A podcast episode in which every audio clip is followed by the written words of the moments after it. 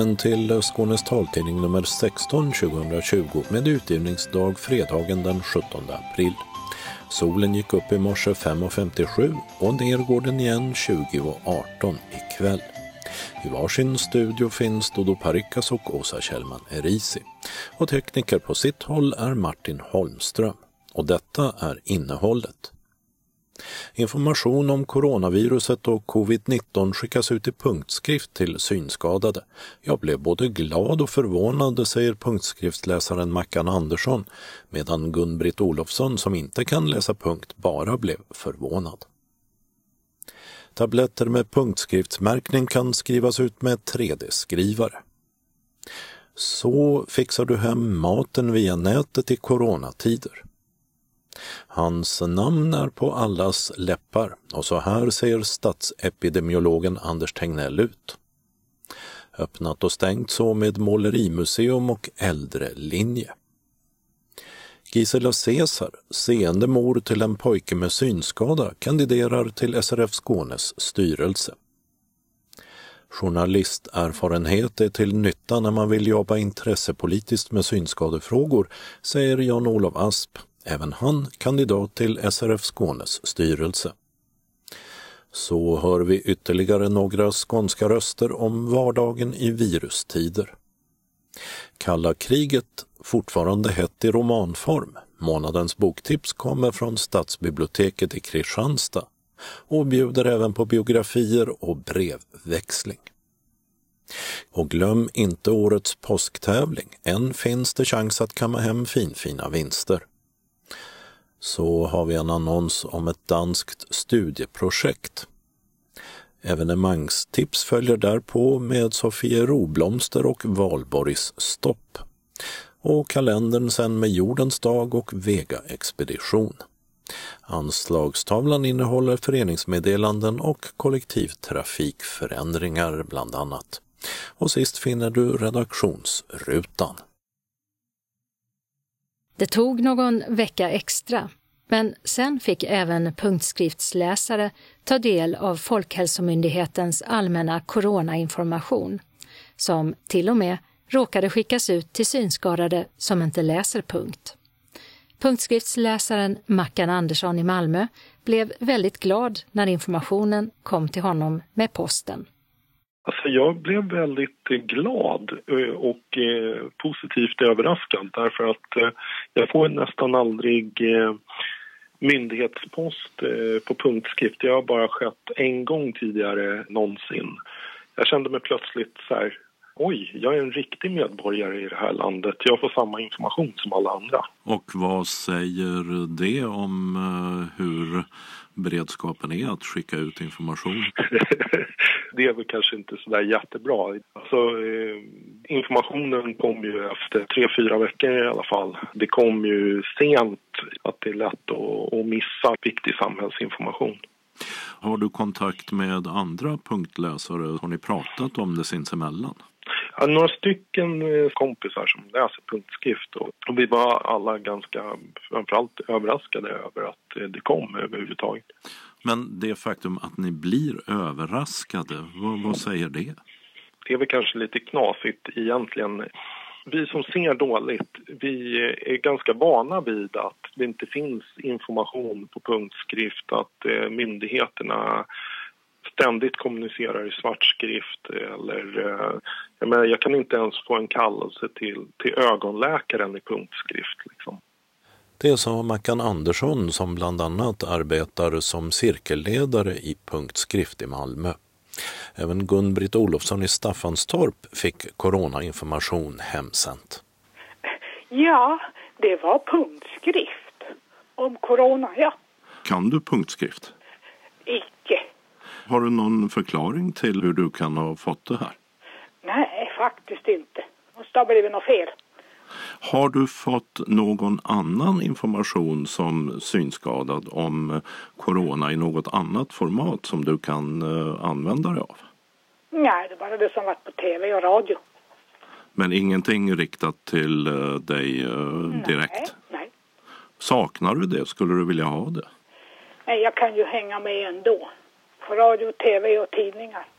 Avsändaren när det gäller råden om coronaviruset och covid-19 är Folkhälsomyndigheten och det är MTM, Myndigheten för tillgängliga medier, som ordnat med punktversionen, berättar Marie Ivarsson, enhetschef media och tjänster på MTM.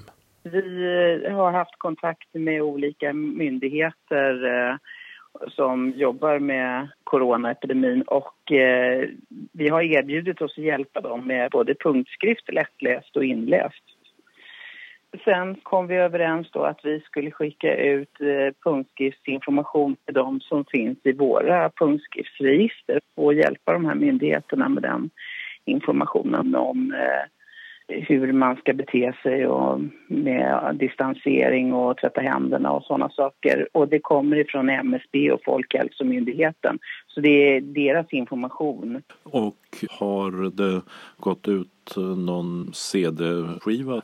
Nej, CD-skiva har inte skickats ut, inte genom oss i alla fall. Vad vi har gjort är att vi har läst in samma information och att den har vi skickat över till eh, MSB och Folkhälsomyndigheten eh, så att de kan distribuera ut den.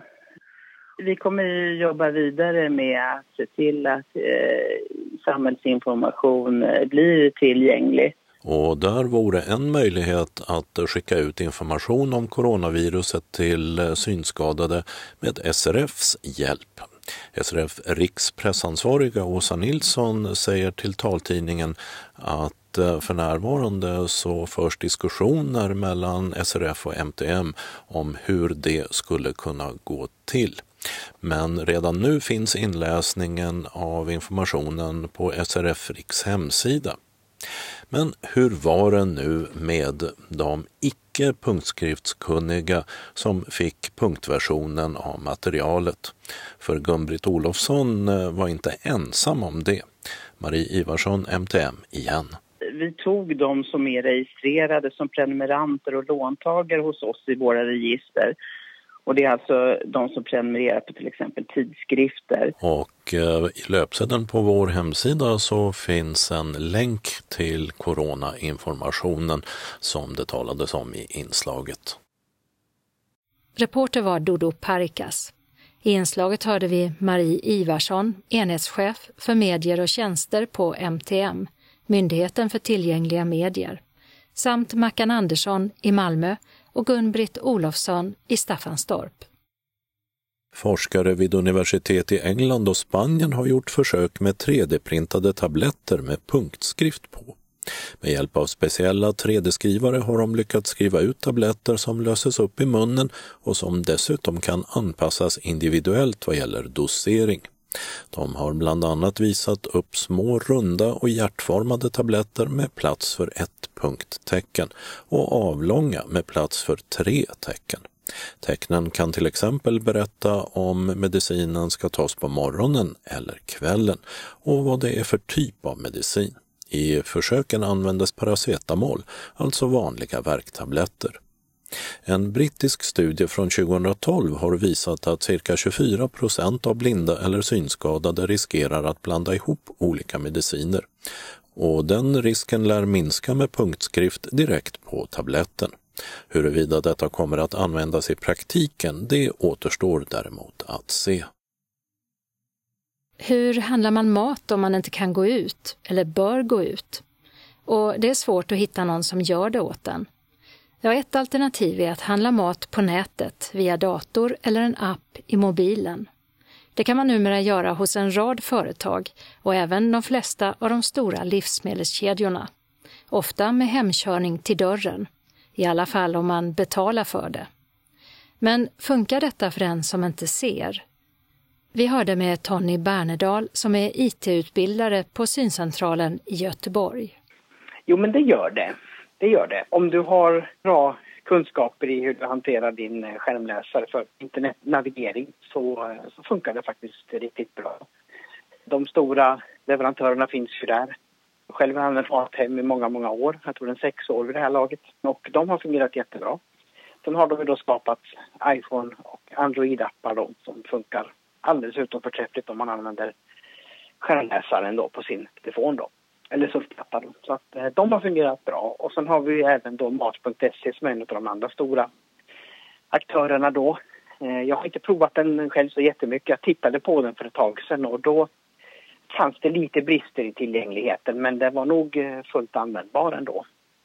Det är ju, det är ju inte plättlätt detta utan man får ju, man får ju räkna med att det tar sin lilla tid att eh, gå igenom sidan och lära sig hur den är uppbyggd Eh, Eh, och vad det finns för navigeringsmöjligheter på den. Om det finns rubriker eller om det finns andra sätt att eh, markera där man är någonstans och, och hitta fram och tillbaka bland produkter och så vidare. Ja, vi ska ju säga det då att du är ju IT-van utöver det vanliga och har jobbat professionellt med det i många år. Hur bra bör man vara på att hantera dator och mobil? Finns det någon nedre gräns där för när det lämnar sig att dra igång? Ja, man ska ju vara beredd på eh, att det är lite krångligt. Så att det tar ju tid till en början då. Så tid måste man ju avsätta. Eh, och gärna ett eh, glatt humör också. eh, jag tror att alla kan klara av det. Sen är det ju så att den här tekniken gör det ju ändå möjligt för anhöriga att hjälpa till också. För du kan ju vara anhörig som kan, som kan göra beställningen åt dig också om du inte har dator eller surfplatta eller telefon då. Det är också ett sätt som jag har haft några som de har gjort det på det sättet då att något barnbarn eller något har, har gjort beställningen åt dem och sen har de bara tagit emot dem. Så de har gjort det tillsammans och det, det har funkat jättebra också. Så det är också en variant man kan göra det på. Mm. De flesta av de stora levererar ungefär överallt men det är bäst att kolla att den man väljer levererar hem till en själv och då till exempel genom att skriva in sitt postnummer. Eh, Mathem.se använder du sedan många år sa du. Eh, hur funkar det då i korthet? Kan du gå igenom ett inköp med oss? Ja, man får ju sätta upp sitt konto första gången då. Eh, och då skriver man ju oftast in e-postadress och lösenord och lite uppgifter om sig själv då som namn och, och adress och, och, sådana saker. Då, så att man skapar ett konto först då. Sen är det ju då dags att eh, plocka i saker i sin varukorg och det som jag tycker är enklast att göra det är ju att eh, använda sökfunktionen. Det går mycket fortare. Så att, låt oss säga att vi vill ha eh, crème fraîche till exempel så kan man söka efter det då. Då får man upp alla alternativ som finns då från alla leverantörer då. Det kan ju vara Arla och Skånemejerier och, och eh, även de här laktosfria varianterna finns också. Så då kan man ju välja den produkt man vill ha. Eh, och vet man precis vad det är så kan man då välja att lägga den i, i varukorgen och då finns det ju på Mathem i alla fall då så finns det eh, två knappar för, för bredvid varje produkt där du kan lägga plus en eller minus en då. Man kan också gå in på själva siffran och så skriva antalet. Eh, och sen så hamnar den i varukorgen och när man då har plockat i och sökt ut lite olika produkter så kan man gå till sin korg och så kan man då gå igenom den och titta att det var så man vill ha. Eh, och direkt ifrån korgen så kan du även minska och öka produkternas antal också då. Och om du på att nej, jag skulle ha tre mjölk istället för två så kan du plussa på en även i, i varukorgen också. Och sen så finns det ju då ett steg då för att välja leveranstid. Eh, och just nu när vi spelar in det här så är leveranstiderna, i alla fall på Mathem, då väldigt, väldigt korta. Man kan bara välja två dagar framåt. Men när allting är som vanligt i livet så är det ganska långa spann man kan ha då. Så man kan till exempel beställa en vecka framåt och sen får det levererat då. Men Även på, säg kvällstid om man skulle jobba eller så? Jajamän, de har um, olika tidsspann som du kan välja mellan dem. Och jag brukar välja den som är mellan 19 till 21 till exempel då, för då är jag ganska säkert hemma då. Eh, och sen det krångligaste där, eh, och det är nog säkert ganska många ställen då, det är ju betalningsförfarandet. För det är många, många handlare, oavsett om det är mat eller elektronik eller vad det är, de använder ju Klarna till exempel då, som betaltjänst och eh, den är ju inte direkt känd för att vara tillgänglig. Eh, så att det är lite klurigt att sätta upp det. Men när man väl har gjort det en gång så kommer den här tjänsten då ihåg det. Så går jag in nästa gång och handlar på maten så kommer den ihåg vilket betalsätt jag har eh, valt och då behöver jag inte välja det igen. Så att det är bra. Men just första gången är det lite krångligt. Eh, och sen så är det bara att skicka man den här ordern sen och så får man en bekräftelse på mejl då där det står precis som man har beställt och så. Och sen på leveransdagen så får man ett sms då med beräknad leveranstid. Då. Och eh, Den brukar stämma väldigt bra. Och blir det förseningar så får man ett nytt sms. Men det är så som Mathem fungerar. Sen är det olika på, eh, på andra leverantörer och hur det fungerar. Men, och, I stort så tror jag det är ganska lika. Mm. Är det dyrt då jämfört med att handla i en vanlig affär? Ja, kanske något lite. Men å andra sidan, så som jag ser det som enpersonshushåll så tycker jag inte att det blir så mycket dyrare än vad det skulle bli om jag skulle åka ut till någon Maxi eller eh, Coop Forum och allt vad de heter, de här stora köpen då. Eh, för dels här där jag bor då så får vi betala dubbel färdtjänsttaxa om vi har ledsagare med oss. Och så blir det tur och retur på det, så bara där är vi uppe i 200 spänn.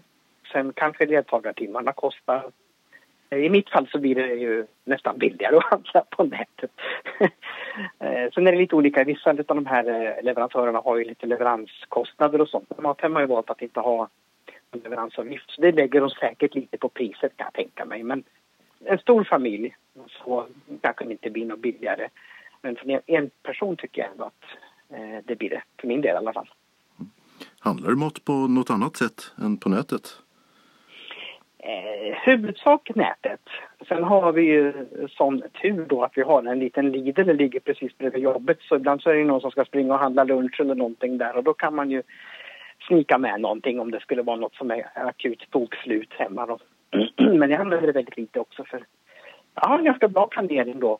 Jag handlar varannan vecka och det funkar jättebra då.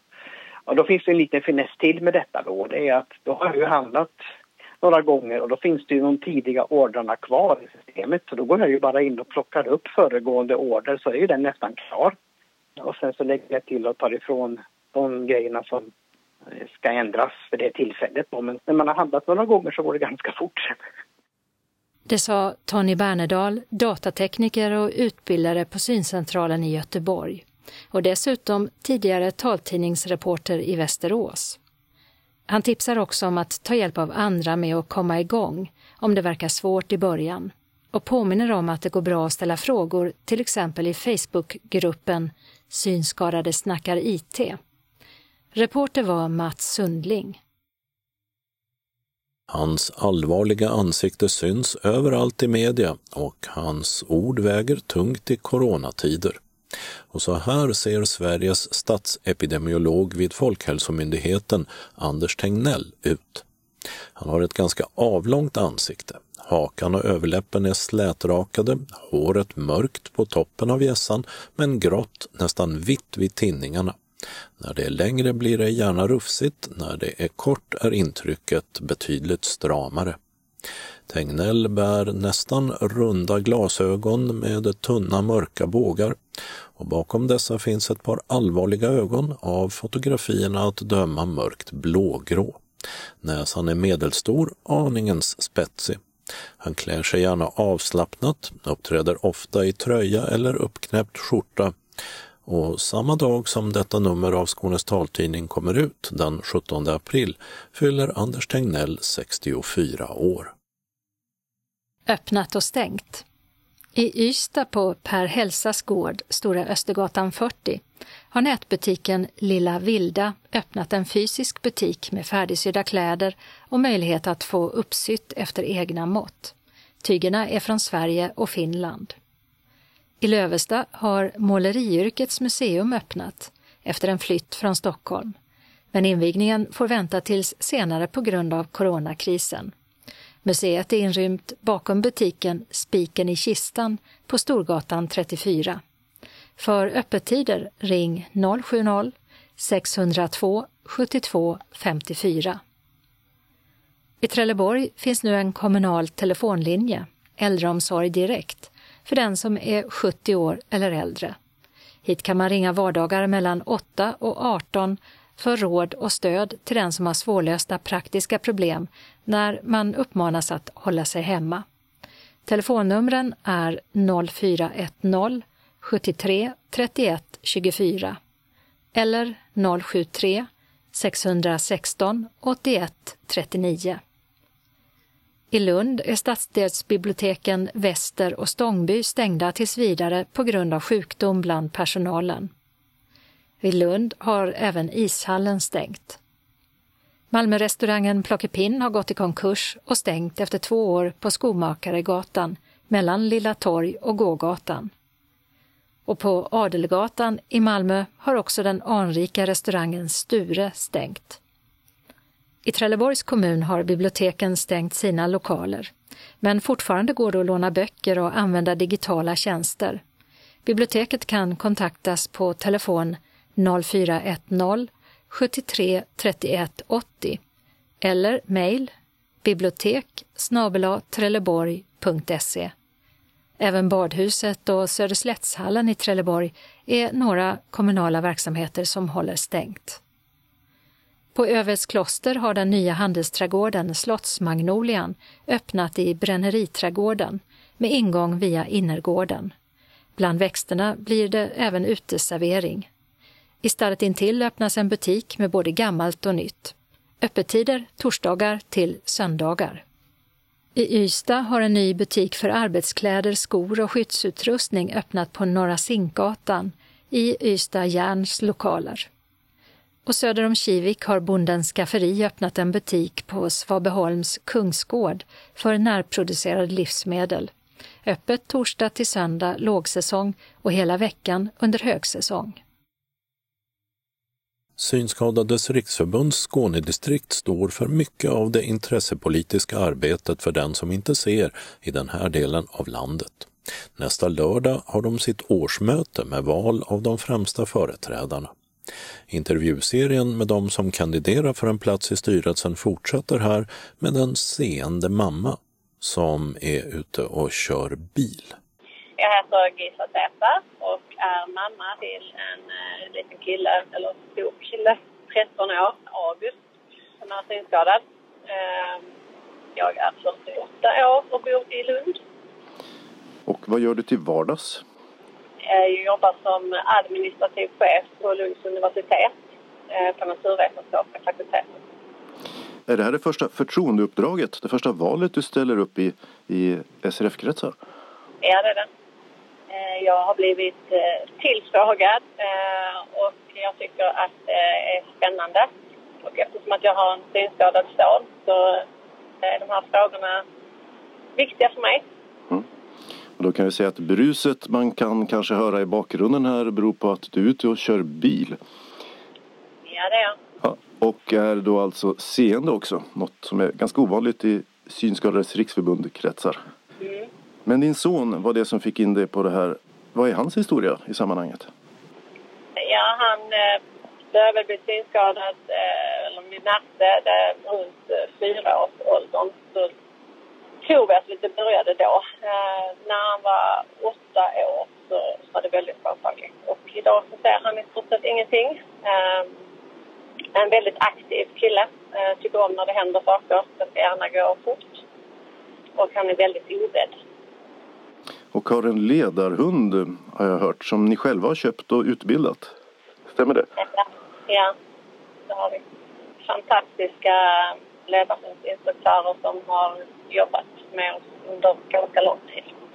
Sen var hunden ganska så vältränad innan och har varit ute som servicehund först men kommit tillbaka till leverantörerna.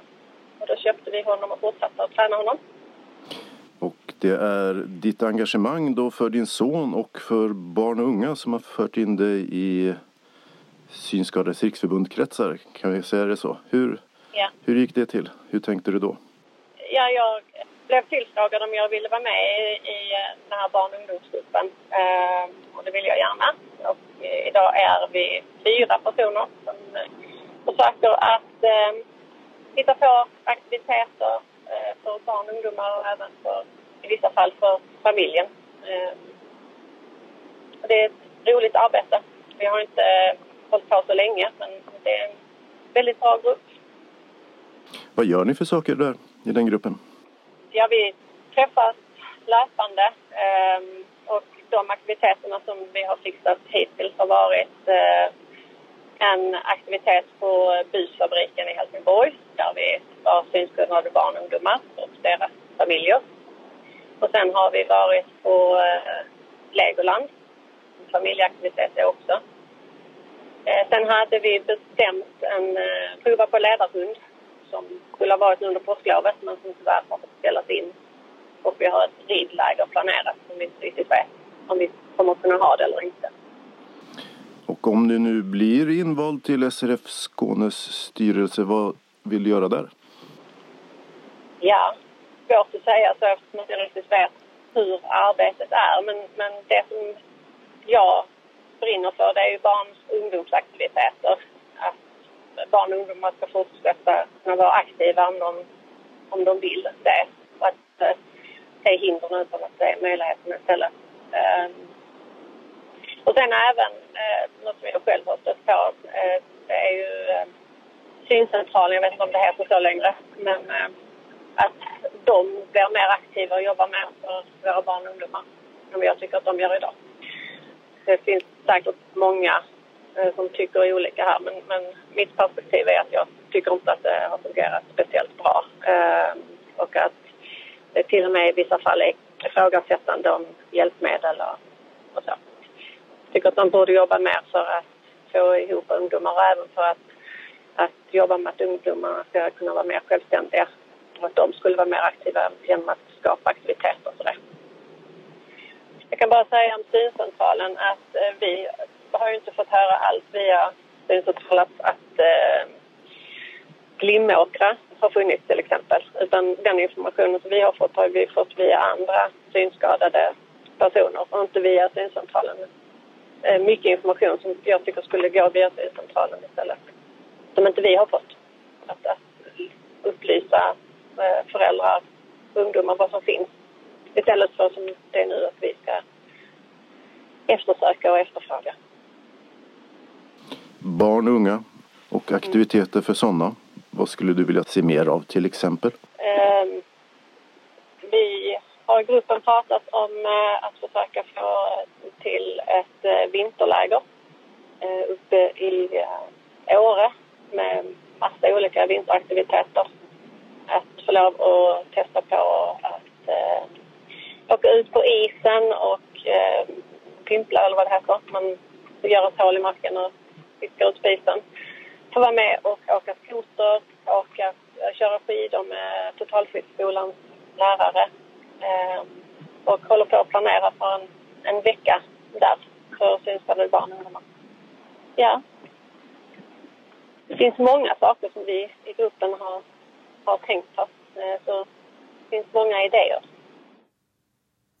sa Gisela Cesar från Lund, en av dem som kandiderar till en plats i SRF Skånes styrelse.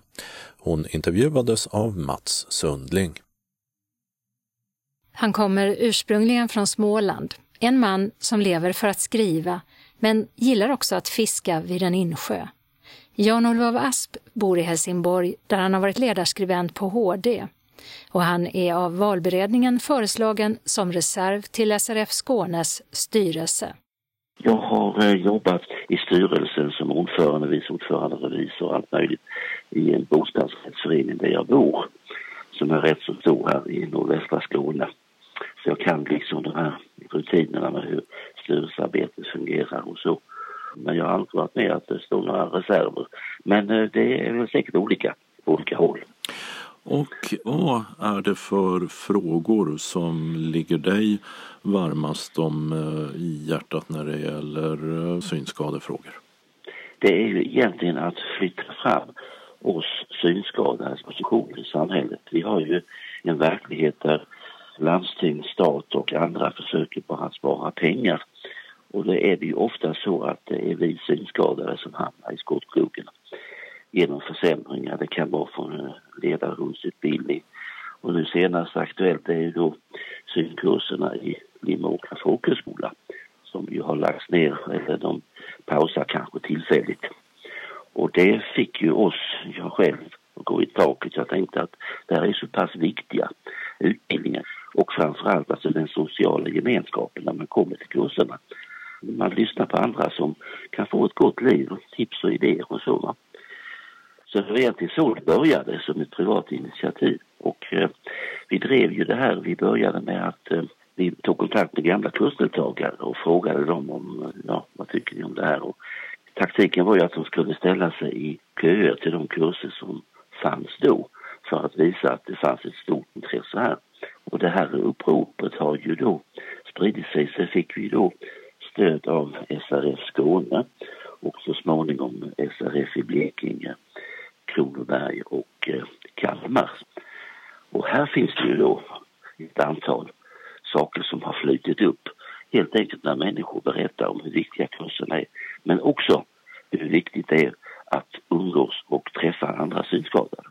Det är jätteintressanta erfarenheter man kan få fram här och ösa fakta ur när man sen ska till exempel utforma vad man gör i de olika föreningarna, vad man ska satsa på. Det resor, det studiecirklar, det ja, vad som helst. Det är den hjärtefråga som du vill eh, driva. Finns det någonting annat som eh, du tycker är viktigt? Ja, det är ju överhuvudtaget att eh, skapa opinioner.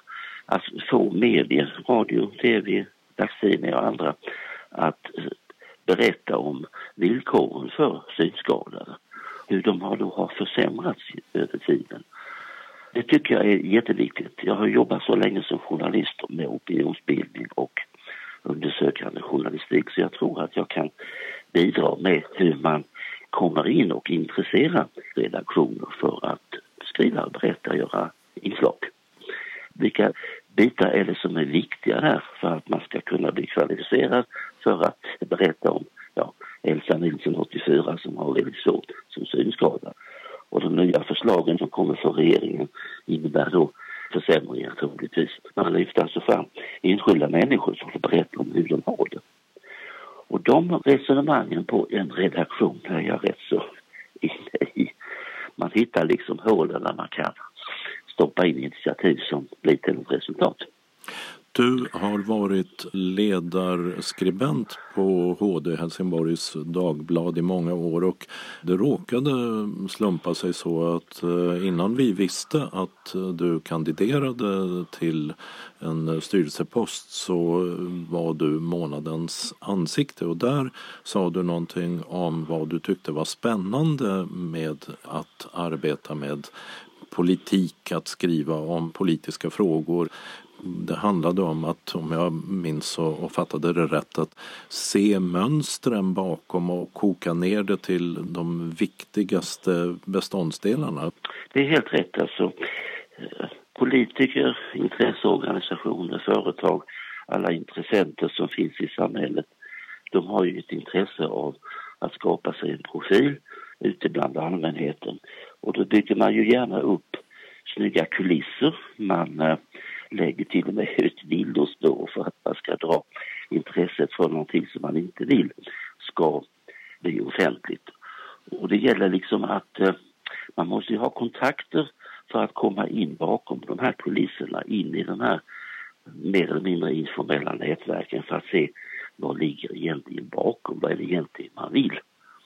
Ofta är det ju så att eh, det tas ett initiativ från regeringens sida om att nu ska vi göra en reform här och det kommer naturligtvis att bli jättemycket bättre för alla naturligtvis. Och kommer dessutom att spara pengar. Så mycket har jag lärt mig att det är spara pengar det handlar om i första hand. Sen får man liksom smeta över lite snygg ögonskugga och annat för att det inte ska framgå allt för tydligt. Det låter som du vill vara en nagel i ögat på de som eh, bestämmer. Ungefär så, ja. Och eh, privat, vem eh, är du? Vad gör du? Vad är dina intressen? Vad håller dig gående som privatperson? Att skriva. Jag har ju skrivit och jag har även pratat i radio som i större delen av mitt liv så att det är ju där intresset sitter. Att beskriva och skriva om andra människor, ibland om mig själv också. Och det är det som driver mig, det är det som är roligt i sig. Några andra um, fritidsintressen? Ja, jag är gärna uppe i Småland i min hembygd där jag är född och fiskar i de underbara sjöarna. Jag har uh, använt en stor del av mitt liv att resa nästan jorden runt. Och det håller jag fortfarande på med. Senast var det i New York i höstas. Sen ska det bli mer av den varan. Fast det kanske får vänta ett tag. Ja. Hur gammal är du? Jag fyllde 70 i uh, januari i år. Men känner mig som 35, det är så man brukar säga. Upplever du dig som eh, riskgrupp i coronasammanhang nu? Jag lyssnar på myndigheterna som kan det här som säger att gå inte ut. Så jag sitter liksom i en frivillig karantän hemma men vi har ju all tekniken här med eh, e-post och telefoner och annat. Hur får du hem mat? Jag har min son. Han råkar just bo tillfälligt hemma så han hjälper mig just nu. Du är ensamstående? Jag är väl särbo kan man säga. Min fru är ju uppe i Småland i stugan där hon trivs bäst där och jag är så engagerad i, i SRF och annat nu. Vad har du för eh, synstatus? Nästan blind på vänster öga. Det alltså handlar om grön starr. Och på höger öga ser jag väl en 8-10 procent beroende på när på dagen. Så jag tar mig fram tacksam för varje procentenhet som jag fortfarande kan se. Det sa Jan-Olof Asp, kandidat till SRF Skånes styrelse vid årsmötet den 25 april och en av personerna bakom uppropet för Glimåkras synkurser. Reporter var Dodo Parikas. Vi ska fortsätta vår serie där vi hör hur personer med synskada har det under coronapandemin. Först ringde vi upp Stina Bodil Andersson som bor tillsammans med sin man på landet utanför Ängelholm. Och eftersom Stina Bodils man tillhör en riskgrupp så håller de sig mycket för sig själva. Jag ska inte säga att man är isolerad, för det är man inte. Man har sina vänner kvar och man umgås via telefon och via nätet. Och sen har man andra fritidsaktiviteter som man inte behöver umgås med folk med. Och vad är det till exempel? Jag har en tandemcykel. Så under en sån här coronapandemi, hur mycket betyder tandemcykeln då? Man kommer ut bland folk på ett annat vis, även om man cyklar eh, på småvägar. Jag bor ju på landet. Men din man är seende då, det är ni två som cyklar? Ja, och ibland under andra förhållanden så har jag några kompisar som cyklar med mig också. Men om du skulle säga vad som eh, har förändrats i eh, ditt vardagsliv sen det här med coronapandemin, vad är det för någonting?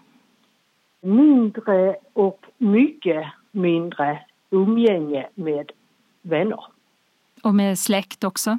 Ja, man får ju smyga sig till men det blir ju ingen kram av barnbarnen längre. Men påsken den brukar du fira med barn och barnbarn? Ja, och eh, det blir ju inte som vanligt. Men eh, min dotter hittade på att bjuda sina föräldrar på eftermiddagsfika utomhus på påskaftons eftermiddag. Så lite njut av barnbarnen blev det ändå. Men hur är det att säga till små barn att de inte får krama mormor och morfar? De var nog instruerade för det, de var liksom inte påträngande och eh, de är så pass stora, 8 och 11, så de förstår eh, nog eh, lite av allvaret. När du ska handla mat, hur gör du då? Det gör man klockan sju på morgonen, tisdag eller fredag på Arons i Järna. De har öppnat en timme extra just för eh, riskzonspersoner. Ringer du runt och kollar av liksom hur vänner mår och sådär eller är man lite extra omtänksam när det gäller äldre mm. vänner och så? Ja, inte bara äldre utan de ensamma. Jag har ju min man att prata med men jag har många vänner som är ensamma. Har eh, ja, barn och barnbarn på håll och de kan inte komma och sånt. De blir ju ännu mer ensamma i dessa tider. Och i en annan del av Skåne, närmare bestämt i en lägenhet i Malmö, bor Lilian Al-Aidi som är småbarnsmamma och gift med Khaled. Lilian kan urskilja mörker och ljus medan Khaled är helt blind. Och jag ringde upp Lilian för att höra hur de har det. Hejsan. Min första rädsla är för min dotters skull. Tasnim. Hon är um, ett år och åtta månader just nu. Jag måste ta promenad med henne. Jag, men jag är alltid uh, försiktig. Jag har um, handskar, jag har uh, handsprit. Så du tar det verkligen försiktigt? Ja, jag följer helt rekommendation. Du pratar ju mycket svenska men får du också information på arabiska om du behöver det? Nej, svenska. Jag har eh, de informationen med punkt från MTM. Men jag läser mer svenska om detta. Och det räcker för dig? Ja, jag läser mycket via Aftonbladet också. Men jag tror det finns eh, mycket folk som behöver på arabiska. Och kan de få det? Det finns massa sociala medier som pratar arabiska som har alla information, till exempel eh, Al-Kompis via Facebook. De har allt från hälsomyndighet via arabiska. Hur har eh, ditt och din familjs liv förändrats efter den här coronasmittan eh, började komma? Ja, jag brukar alltid gå till Emporia, Mobilia, promenera dit. Jag brukar gå med barnet så. Men nu nej. Är du själv rädd? Uh, ja. ja, Lilian berättar att hon är lite rädd, men att hon försöker att inte visa det för sin dotter eftersom det skulle kunna påverka henne. Och hon säger att hon numera inte går till Emporia, Mobilia eller livsmedelsbutiker som de tidigare gjorde för att handla eftersom det är så mycket folk där. Och istället så beställer de nästan allt via nätet men att få matvaror hemkörda och ihopplockade kostar en hel del pengar, så det blir mycket dyrare. Du vet hemleverans och blockavgift och så. Så det ja. kostar er mycket mer nu att eh, ja, beställa saker? Ja, ja visst. Du vet, vi beställer allt, allt, allt möjligt via nätet just nu. Också våra recept och medicin och så också vi beställer via nätet. Och eh, att vara synskadad eller blind när det här pågår, att man ska inte komma så nära andra och sådär. Hur gör du för att inte komma för nära andra som är ute och promenerar och så? Jag går med min ledsagare till exempel och hon vet att jag inte är nära varandra. Jag använder inte så mycket färdtjänst just nu. Om jag vill gå till min mamma, jag går med henne med promenad. Om jag vill till exempel släktingar och så, nej, besöker jag inte just nu. Jag har min utbildning distans nu. Ja, jag går till lekeplats som ligger nära min lägenhet med Khaled och barnet. Ja. Det är mycket kontakter via nätet istället? Ja, via nätet. Men du vet, lite svårare därför att eh, till exempel med flickans kläder. Jag tycker mycket om att jag måste känna och veta vad är det. Men man måste vara lite försiktig. Sist här Lilian Al-Aidi i Malmö, som alltså köper nästan allt hon behöver på nätet nu. Innan dess hörde vi Stina Bodil Andersson som bor på landet utanför Ängelholm. Reporter var Åsa Kjellman Erisi. April månads talbokstips bjuder bland annat på en historia som rör sig mellan England, USA och Irland med kvinnor i olika århundraden och fyrar i centrum. Vi ska också höra om kvinnligt entreprenörskap i både motvind och medvind och förflytta oss till kalla krigets årtionden. Men Karin Gustafsson på Stadsbiblioteket i Kristianstad börjar med Fyrboken.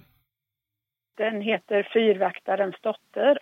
Talbok med text 11 timmar 13 minuter och inläsare är Anna Godenius.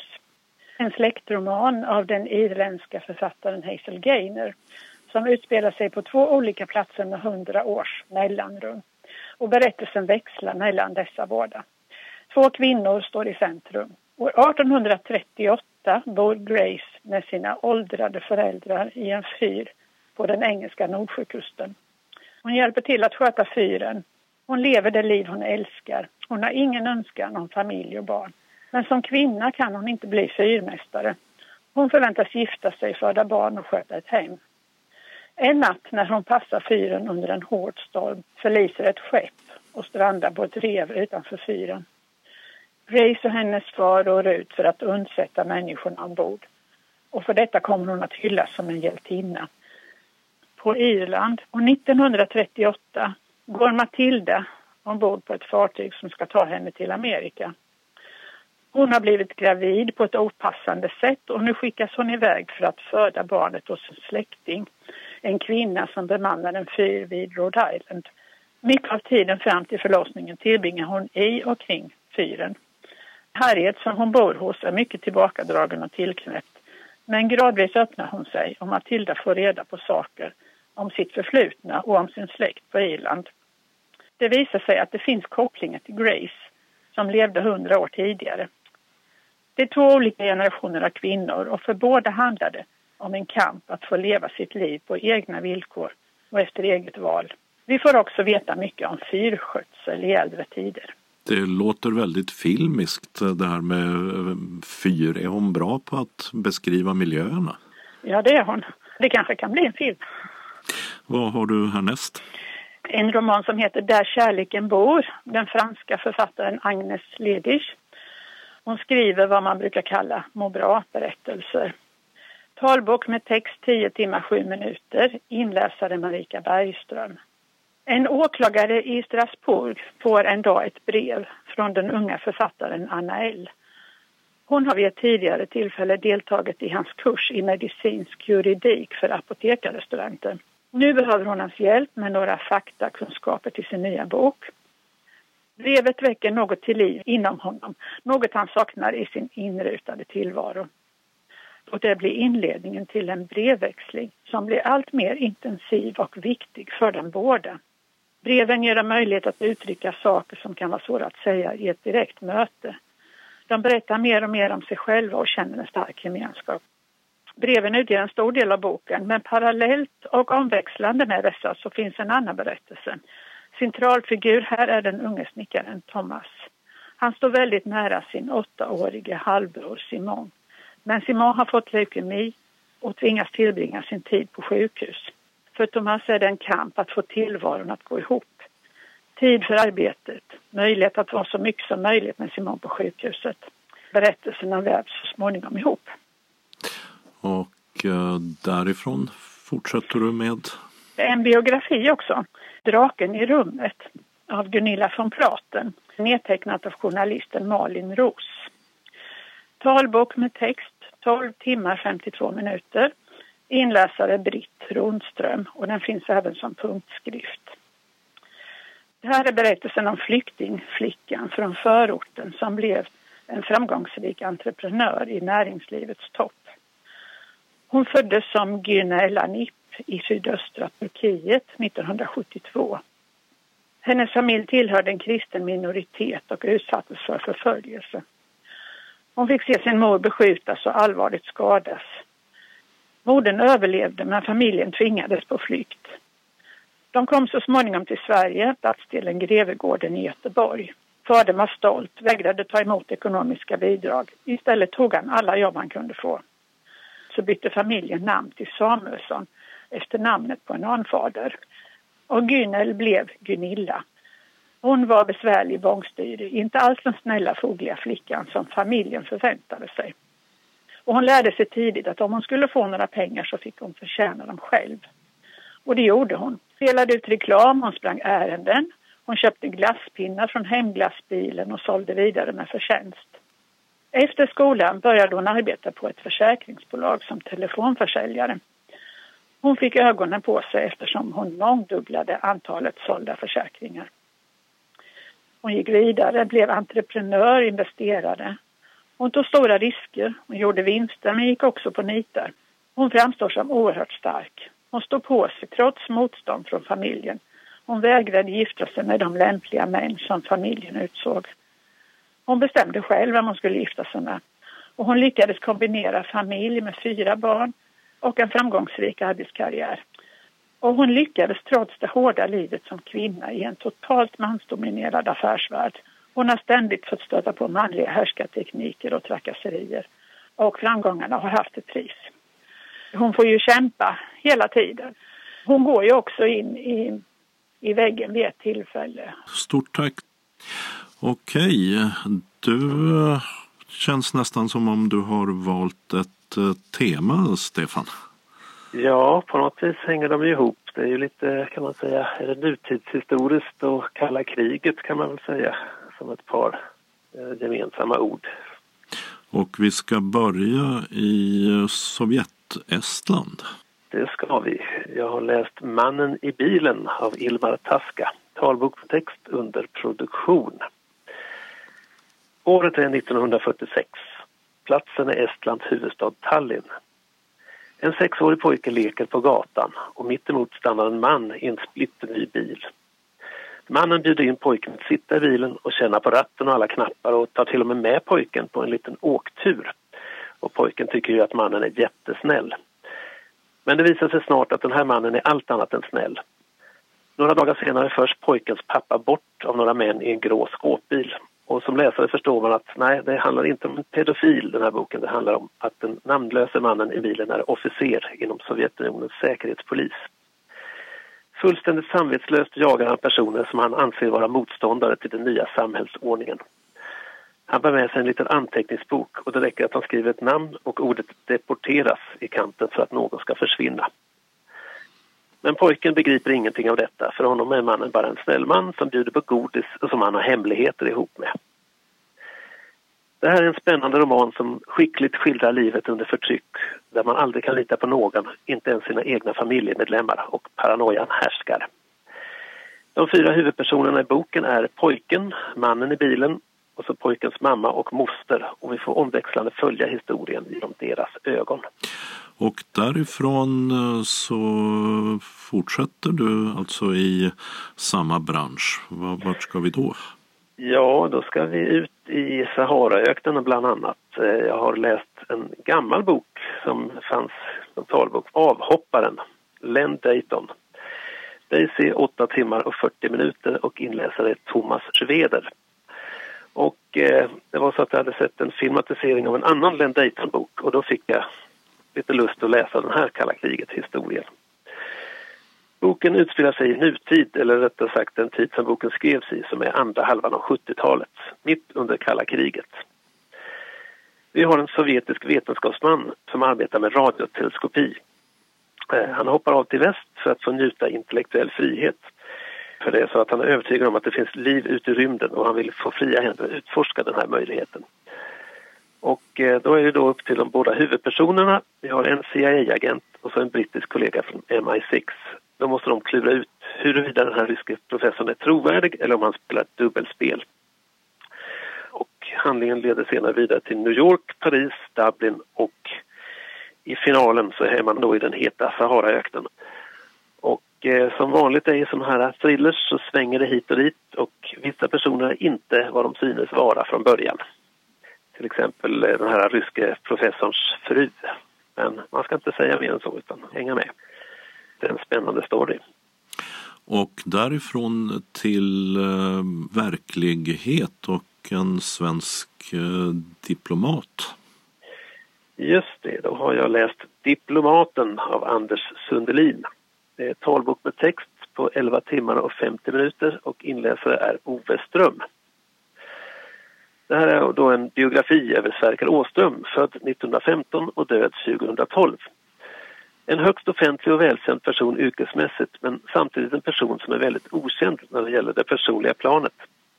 Till det yttre ser han ut att ha gjort en diplomatisk karriär som spänner över fyra decennier. Med början i Moskva på 40-talet och slutligen som ambassadör i Paris på slutet av 70 och början av 80-talet. Däremellan har han varit involverad i stora händelser som till exempel efterforskningen efter Raoul Wallenberg och nedskjutningen av de svenska signalspaningsplanen och eh, händelserna kring flygkraschen i vilken Dag Hammarskjöld dog 1961. Medarbetarnas bild av Åström är av en ytterst kompetent arbetsmyra men även solen har sina fläckar och bland annat tar Anders Sundelin upp misstanken om att Åström på något sätt skulle ha varit i Sovjetunionens tjänst misstankar om att han skulle vara den så kallade getingen som omnämns som en kontakt i samarbete med flygöverste Wennerströms spionerier. Likaså tar författaren upp den unge Sverker Åström som var medlem i den tyskvänliga nationella studentklubben under studierna och studerade i Tyskland vid lärosäten starkt präglade av nationalsocialismen. De här omständigheterna det var något som bland annat satte en hämsko på hans karriär. Eh, troligen blev hans tillsättning som ambassadör försenad av de här uppgifterna om kopplingarna till Sovjet. Själv medgav Sverker Åström aldrig något i den här vägen och Anders Sundelin gör inte heller något annat än redovisa de här omständigheterna. Så som läsare blir man lite hängande i luften här och får inga klara svar på hur det egentligen ligger till.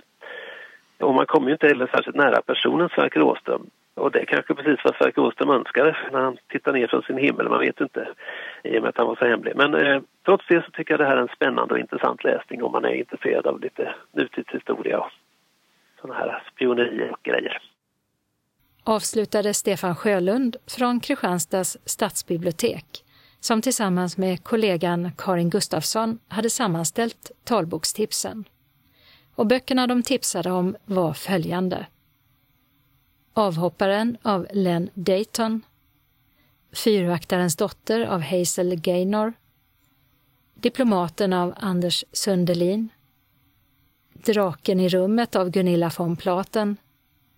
Där kärleken bor av Agnes Ledig samt Mannen i bilen av Ilmar Taska och reporter var Dodo Parikas. Påsken må ha passerat, men än finns det möjlighet att delta i Skånes taltidnings påsktävling. Frågorna de hittar du i förra numret av taltidningen och svaren, som du får hitta själv, vill vi ha senast tisdag den 21 april. Både ära och fina priser står på spel i tävlingen som har Australien som tema. Kontaktuppgifterna till oss hittar du som vanligt i redaktionsrutan sist i tidningen. Så har vi en annons från en student på Århus universitet. Jag letar efter människor som besökt utställningen Taktil arkitektur på Form Design Center i Malmö innan den stängdes på grund av corona. Jag arbetar på en större skrivuppgift vid Århus universitetsfilial i Köpenhamn där jag studerar materiell kultur och didaktik. Jag önskar att du ska svara på några frågor angående din upplevelse av utställningen samt din allmänna upplevelse av din hemstad Malmö. Jag använder naturligtvis dina svar anonymt och etiskt korrekt och enbart som underlag för min uppgift. Skicka mig ett meddelande på e-post kristinavostudio gmail.com om du är intresserad av att hjälpa mig. Sen skickar jag ett antal frågor via e-post eller under ett telefonsamtal. E-postadressen Kristina Bostudio skrivs som ett ord. Kristina stavas med CH i början och Vo stavas enkel-VU. Hälsningar Kristina Vo. Evenemangstips och liksom de senaste veckorna så ändras mycket med kort varsel. Men det här är vad som gäller i skrivandets stund. En ny webbsänd programserie ska ge den lokala kulturen en möjlighet att nå ut till sin publik trots coronapandemin. Det är Helsingborg Arena och Scen som tillsammans med många av de elva kommuner som ingår i samarbetsorganet Familjen Helsingborg som deltar med kulturutövare. Det första avsnittet ligger redan ute på hemsidan stagebackstage.se. Satsningen kallas Rampljus och ett nytt avsnitt läggs ut varje vecka under april och maj. Det kommer att bli musik av både etablerade artister och mindre kända. Intervjuer med spännande personer och krögare som lagar mat med mera. Programledare är Sascha Becker och Nils Danevi, i vanliga fall skådespelare på Stadsteatern i Helsingborg. På sajten hemmakultur.se tipsas om kultur från både Sverige och även andra länder som man kan uppleva hemifrån över nätet. En del är gratis medan man får köpa biljetter till annat. Bakom sajten står kommunikationsbyrån Kult PR. Här kan man till exempel se journalisten Kristina Kapelin ge en guidad tur runt Villa San Michele på Capri som uppfördes av läkaren Axel Munthe under slutet av 1800-talet och senare testamenterades till svenska staten. Det finns bland mycket annat ett museum och ett gästhem där. Och Villa San Michele stängde för allmänheten redan i början av mars. Sofiero i Helsingborg har öppnat Slottsparken och även invigt säsongens första utställningar. Det är dels den danske trädgårdsprofilen Claude Dalby som visar praktfulla krukarrangemang i orangeriet. Blommor i aprikos, månskensgult och lavendel utlovas. Och det här pågår fram till den 17 maj. En annan utställning som också öppnat är I kronprinsessan Margaretas fotspår. Det är hundra år sedan kronprinsessan gick bort och hon hyllas med en utställning i parken om sitt gröna avtryck.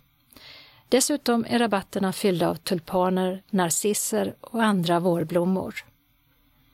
Ett utflyktsmål som skulle ha öppnat i påskhelgen, men som valt att skjuta upp öppnandet på obestämd tid, är Dag Hammarskjölds Backåkra på Österlen. I sommar skulle en utställning om Hammarskjölds intresse för design ha visats. Men det är oklart när den blir av.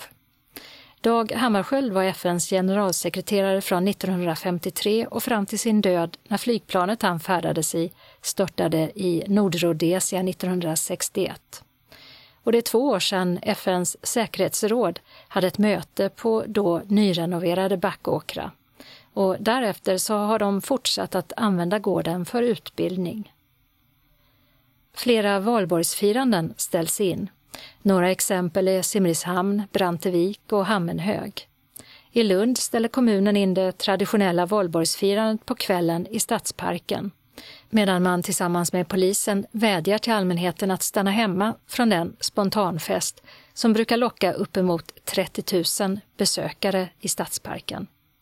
Eftersom det inte finns någon arrangör så kan det spontana firandet inte officiellt ställas in. Men man uppmanar alltså till att hoppa över spontanfesten i år och följa Folkhälsomyndighetens rekommendationer.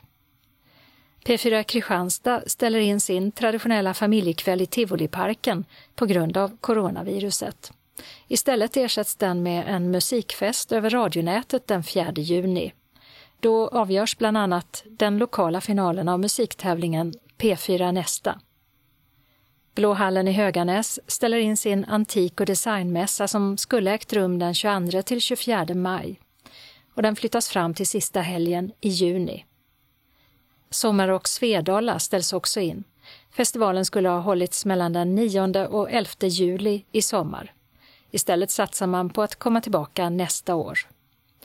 Bomässan som skulle ha ägt rum 13 till 15 mars på Helsingborgs arena har fått ett nytt datum, nämligen 11 till 13 september. Samtidigt är det dags för mässan Dryck och Deli på samma plats. Kalendern årets sjuttonde vecka börjar med måndagen den 20 april då Amalia och Amelie har namnsdag. För hundra år sedan invigdes olympiska sommarspelen i Antwerpen, Belgien. Det var de sjunde olympiska spelen och att tävlingarna blev av först 1920 och inte som tänkt 1916 berodde på att man då, liksom i år, sköt upp spelen på grund av en svår kris. Årets planerade OS i Tokyo skjuts ju upp till nästa år på grund av coronapandemin. Medan det 1916 handlade om första världskriget som gjorde att tävlingarna blev av först fyra år senare. Och det var ett långdraget OS i det svårt krigshärjade landet. Första tävlingen började den 20 april medan de sista avgjordes först i september. Det var också första gången som den olympiska flaggan med de fem ringarna användes. 90 år fyller idrottsföreningen Östers IF som grundades i Växjö under namnet Östers FF. Fotbollsföreningen som numera endast har ett herrlag eftersom damlaget avvecklades 2014 är uppkallad efter stadsdelen Öster. Och kända landslagsspelare därifrån är Thomas och Andreas Ravelli. Filmregissören, skådespelaren och manusförfattaren Måns Herngren fyller 55 år. Och han har bland mycket annat regisserat Adam och Eva, Klassfesten och tv-serien Solsidan. Tisdagen den 21 april är det Anneli och Annika som har namnsdag. För 60 år sedan invigdes Brasiliens nya huvudstad Brasilia efter en byggtid på tre och ett halvt år. Redan i slutet av 1800-talet så fanns det planer på att ersätta den befintliga huvudstaden Rio de Janeiro med en ny inne i landet. Och den nya huvudstaden som arkitekterna Louis Costa och Oscar Niemeyer planerade fick formen, om man ser stan från ovan, av ett flygplan. Förutom en katedral i glas och andra ståtliga byggnader finns också en konstgjord sjö. Onsdagen den 22 april heter namnsdagsbarnen Allan och Glenn. I riksdagen hålls debatt om flera förslag med början klockan 9 på morgonen. Bland annat debatteras cykelfrågor och då även elsparkcyklar. Debatten kan man följa via riksdagens webb-tv. Det är också jordens dag för femtionde gången i ordningen. En temadag för att uppmärksamma världens miljöproblem. För 150 år sedan, alltså 1870, föddes Vladimir Lenin som ledde de revolutionära kommunistiska bolsjevikerna under ryska revolutionen 1917 och i det efterföljande inbördeskriget. Han tog starkt intryck av socialisten Karl Marx. Och efter att ha suttit i fängelse för revolutionärt arbete så levde han sedan under många år i Schweiz. Men återkom i samband med februarirevolutionen 1917. När bolsjevikerna i oktober samma år tog över landet så var det under Lenins ledning. Och när Sovjetunionen bildades 1922 blev han dess första ledare och diktator. Lenin dog 1924. Torsdagen den 23 april firar Georg och Göran namnsdag. I riksdagen är det frågestund där ministrarna svarar på frågor från ledamöterna, vilket direktsänds via webb-tv från klockan 14. Fredagen den 24 april är det Vega som har namnsdag. Och denna dagen, men 1880, så återvänder den svenska upptäcktsresanden Adolf Erik Nordenskölds stora seglingsexpedition till Stockholm efter att ha varit borta i två år med just fartyget Vega. Och under stora strapatser så hade expeditionen lyckats finna en seglingsväg norr om Ryssland, Nordostpassagen. Och en genväg till Orienten var något man i Västeuropa hade drömt om länge. Så när Vega anlände till Stockholms ström var det en enorm uppståndelse med kungatal och galamiddag på slottet dagen efter.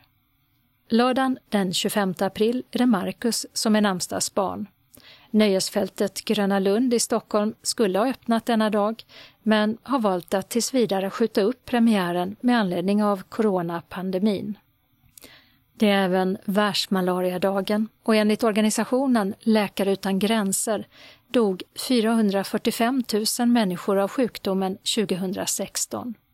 Omkring 90 procent av dödsfallen var i Afrika och de allra flesta var barn under fem år. För 40 år sedan utbröt en av de största arbetsmarknadskonflikterna i Sverige då 14 000 offentligt anställda togs ut i strejk. Arbetsgivarna svarade med lockout och innan konflikten avslutades var omkring 700 000 anställda antingen i strejk eller lockoutade. Den 12 maj gick SAF med på LOs krav på högre löner och konflikten var över. Det är fem år sedan Ebba Busch utsågs till Kristdemokraternas partiledare. Då hette hon Ebba Busch Thor. Den amerikanska skådespelaren Al Pacino, kanske mest känd för Gudfadern-filmerna, fyller 80 år och den svenska pianisten och musikhögskoleprofessorn Staffan Scheja fyller 70 år. Söndagen den 26 april är det Theresia och Therese som firar namnsdag. Och Melanie Trump, som tidigare var fotomodell och numera är gift med USAs president Donald Trump, fyller 50 år.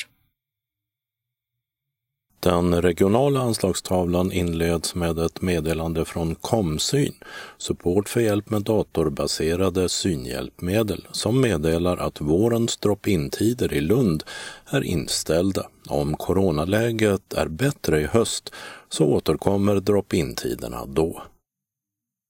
Så har vi en uppmaning från SRF Riks. Tävla med din bästa story om punktskrift.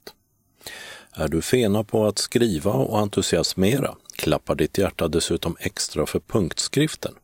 Då kan du delta i World Braille Essay Contest 2020. Det är nämligen dags för 14 omgången av den internationella uppsatstävlingen som European Blind Union EBU håller i, i samarbete med det japanska elektronikföretaget Onkyo. Hur du tolkar temat punktskrift är fritt, men utgå gärna från dina egna erfarenheter. Syftet med tävlingen är att visa hur viktig och fantastisk punktskriften är för människor i hela världen. Och punktskriftsläsare i alla åldrar kan tävla. Synskadades riksförbund kommer att samla in de svenska bidragen. Fem bidrag väljs ut och översätts till engelska. Texten ska vara mellan 600 och 1000 ord lång. Maila ditt tävlingsbidrag senast 18 maj till e-post punktskrift snabela srf.nu. För ytterligare information kontakta Lena Nisola Wester på SRF, telefon 08 39 91 70. Vinnarna i flera kategorier har chans att vinna upp till 2000 amerikanska dollar och vinnarna presenteras efter den 7 september. SRF Malmö inbjuder till en sexdagars bussresa till Krakow. Vi har via Ölvemarks bokat ett antal platser på en resa till Krakow i Polen. Och den staden räknas som en av Centraleuropas vackraste och mest välbevarade. Mjukt färgglada renässansbyggnader och gotiska mästerverk tävlar om uppmärksamheten. Men moderna inslag saknas inte. Cafékultur, prisvärd shopping och ett digert utbud av restauranger har också hittat hit. 6 september går resan över Öresundsbron och till Getzer där vi tar båten till Rostock. I land kör vi vidare till Poznan för gemensam middag och övernattning. 7 september åker vi vidare till Krakow och hotell Golden Tulip Hotel Kazimierz. Utgångspunkten för att vandra eller åka runt i staden. Härifrån utgår också utflykterna. 8 till 9 september tillbringar vi i Krakow och den 10 åker vi mot Sverige. Stannar i Wrocław för lunch innan vi åker vidare till Swebojin för gemensam middag och övernattning. Den 11 kör vi mot Tyskland och tar båten till Danmark därifrån och vidare över Öresundsbron till Malmö. Det finns också ett antal utflykter, bland annat bryggeribesök med ölprovning och middag, en judisk afton med middag och underhållning samt en heldag med besök i Auschwitz-Birkenau med svensktalande guide. Mer exakt information om utflykterna med priser får du tillsammans med bekräftelsen. Terrängen i Auschwitz är dock ganska knagglig så det kan vara svårt att gå med rollator. Priset för denna resa är för medlemmar i SRF Malmö 3 000 kronor per person. För deltagare från andra lokalföreningar kostar det 4 895 kronor. Enkelrumstillägg tillkommer 1 695 kronor. Det finns väldigt få enkelrum och dessa måste i första hand gå till de av föreningen anlitade ledsagare som inte har någon med sig. I priset ingår resa i helturistbuss, fem övernattningar i dubbelrum, två middagar, fem frukostar och reseledarservice. Anmälan gör du till kansliet, telefon 040 25 0540 eller e-post info snabela srfmalmo.se Sista anmälningsdag är tisdagen den 23 april. Efter sista anmälningsdag är anmälan bindande och vid avbokning måste läkarintyg visas. Glöm inte att uppge vid anmälan om du behöver ledsagare, om du har behov av särskild mat eller om det är något annat vi behöver veta. Och om du som anmält dig känner att du på grund av coronaviruset inte vill åka måste du avanmäla dig senast den 23 april. Därefter kan du bara avanmäla dig mot uppvisande av läkarintyg såvida resan inte ställs in av resebyrån eller efter rekommendation från Utrikesdepartementet. Den lokala anslagstavlan är idag gemensam för hela Skåne SRF Helsingborg Höganäs meddelar alla medlemmar i Helsingborg, Höganäs, Landskrona och Svalöv att föreningen från och med 2 april har ett nytt namn. Det är Synskadades riksförbund Västra Skåne, då även Landskrona och Svalöv ingår i föreningens verksamhetsområde. Alla aktiviteter kommer att vara inställda under april och maj med tanke på coronaviruset. Föreningen kommer att följa de rekommendationer som myndigheterna lämnat ut. Det är ensamt att sitta hemma, så styrelsen har bestämt att kansliet ska ha telefonöppet enligt följande. Lotta, måndag och tisdag mellan 8 och 12. Monica, onsdag, torsdag och fredag 8 till 16. Telefonnummer 042 15 83 93 eller mobil 0735 62 35 23. Det går bra att ringa till kansliet för ett kort samtal, vilket kan muntra upp.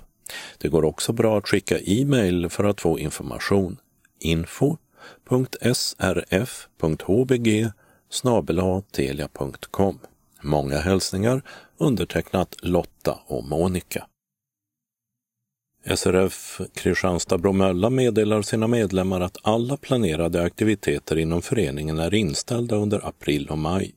Detta innefattar kamratträffen, smidesdagen, älgsafarin, vattengympan och bokcirkeln. Vi hoppas att samhället snart normaliseras igen så vi kan träffas och ha trevligt ihop som vi brukar. Tills dess, ha det bra och håll humöret uppe. Synskadades förening SRF Malmö och Svedala meddelar att all verksamhet är inställd till och med den 31 maj. Styrelsen återkommer efter sitt sammanträde den 19 maj med ny information. SRF Ringsjöbygden meddelar att de har ställt in alla aktiviteter i april månad. SRF Ängelholm Bostad meddelar alla sina medlemmar följande. På grund av den rådande situationen när det gäller coronavirus har styrelsen beslutat att ställa in alla aktiviteter till och med 31 maj. Styrelsen kommer att ha ett nytt sammanträde 20 maj och fatta ett nytt beslut. Du får gärna ringa till föreningens kamratstödjare Conny Jansson, telefon 0431 161 15 eller mobiltelefon 0703 61 6610, Hälsar styrelsen. Vi har några ändringar i busstrafiken som gäller Helsingborg, Malmö och Klågerup. Den 20 april 8.00 till 23 april 16.00 så plockas en kran ner på Skaragatan i Helsingborg. Hållplatsen Rosengården C, läge A och B stängs och resenärer hänvisas till hållplats Brytstugan. För hållplats Skaragatan läge A hänvisas till Filbornaskolan läge A. I Malmö så stängs hållplatsläge D för stadsbuss 6 och 34 på grund av vägarbete på Föreningsgatan mellan 21 april 07.00 och 24 april 15.00. Resenärer hänvisas till en tillfällig hållplats bakåt i färdriktningen. Den 20 april påbörjas ett asfalteringsarbete som berör flera hållplatser i Malmö, nämligen Vandrarhemmet läge B, Eriksfält läge D, Nydala läge A samt Professorsgatan läge A som stängs från den 20 april 09.00 till 23 april 15.00. Resenärer hänvisas till tillfälliga hållplatser strax intill de stängda. Mellan 20 april 07.00 och 24 april 16.00 stängs en del av Östra Fäladsgatan av för vägarbete. Hållplats Östra Fäladen läge B stängs och resenärer hänvisas till hållplatserna Malmö-Rostorp läge B och Beijers Park läge B. Det gäller stadsbuss 4. Flytten av hållplats Lindängsstigen i Malmö för stadsbuss 8, 31 och 33 samt regionbuss 170 är förlängd till 30 april 15.00. Resenärer hänvisas fortsatt till den tillfälliga hållplatsen 50 meter framåt i färdriktningen. Och i Klågerup byggs busstationen om till och med 29 maj 16.00. Hållplatsen stängs där och resenärer med regionbuss 142 och 165 hänvisas till en tillfällig hållplats på Bagarevägen, cirka 75 meter norr om ordinarie hållplats. Och det var allt för Skånes taltidning denna gång. Ett nytt nummer kommer fredagen den 24 april. Skånes taltidning ges ut av Region Skånes psykiatri och habiliteringsförvaltning. Ansvarig utgivare är Martin Holmström. Postadress Jörgen Ankersgatan 12, 211 45 Malmö. Telefon 040-673 0970. E-post Skanes taltidning snabela skane.se och hemsida skanestaltidning.se. Observera att cd-skivorna inte ska skickas tillbaka till oss. Såväl skivor som kuvert kan läggas i brännbara sopor när ni inte längre vill ha dem. Vi hörs igen. Hej då!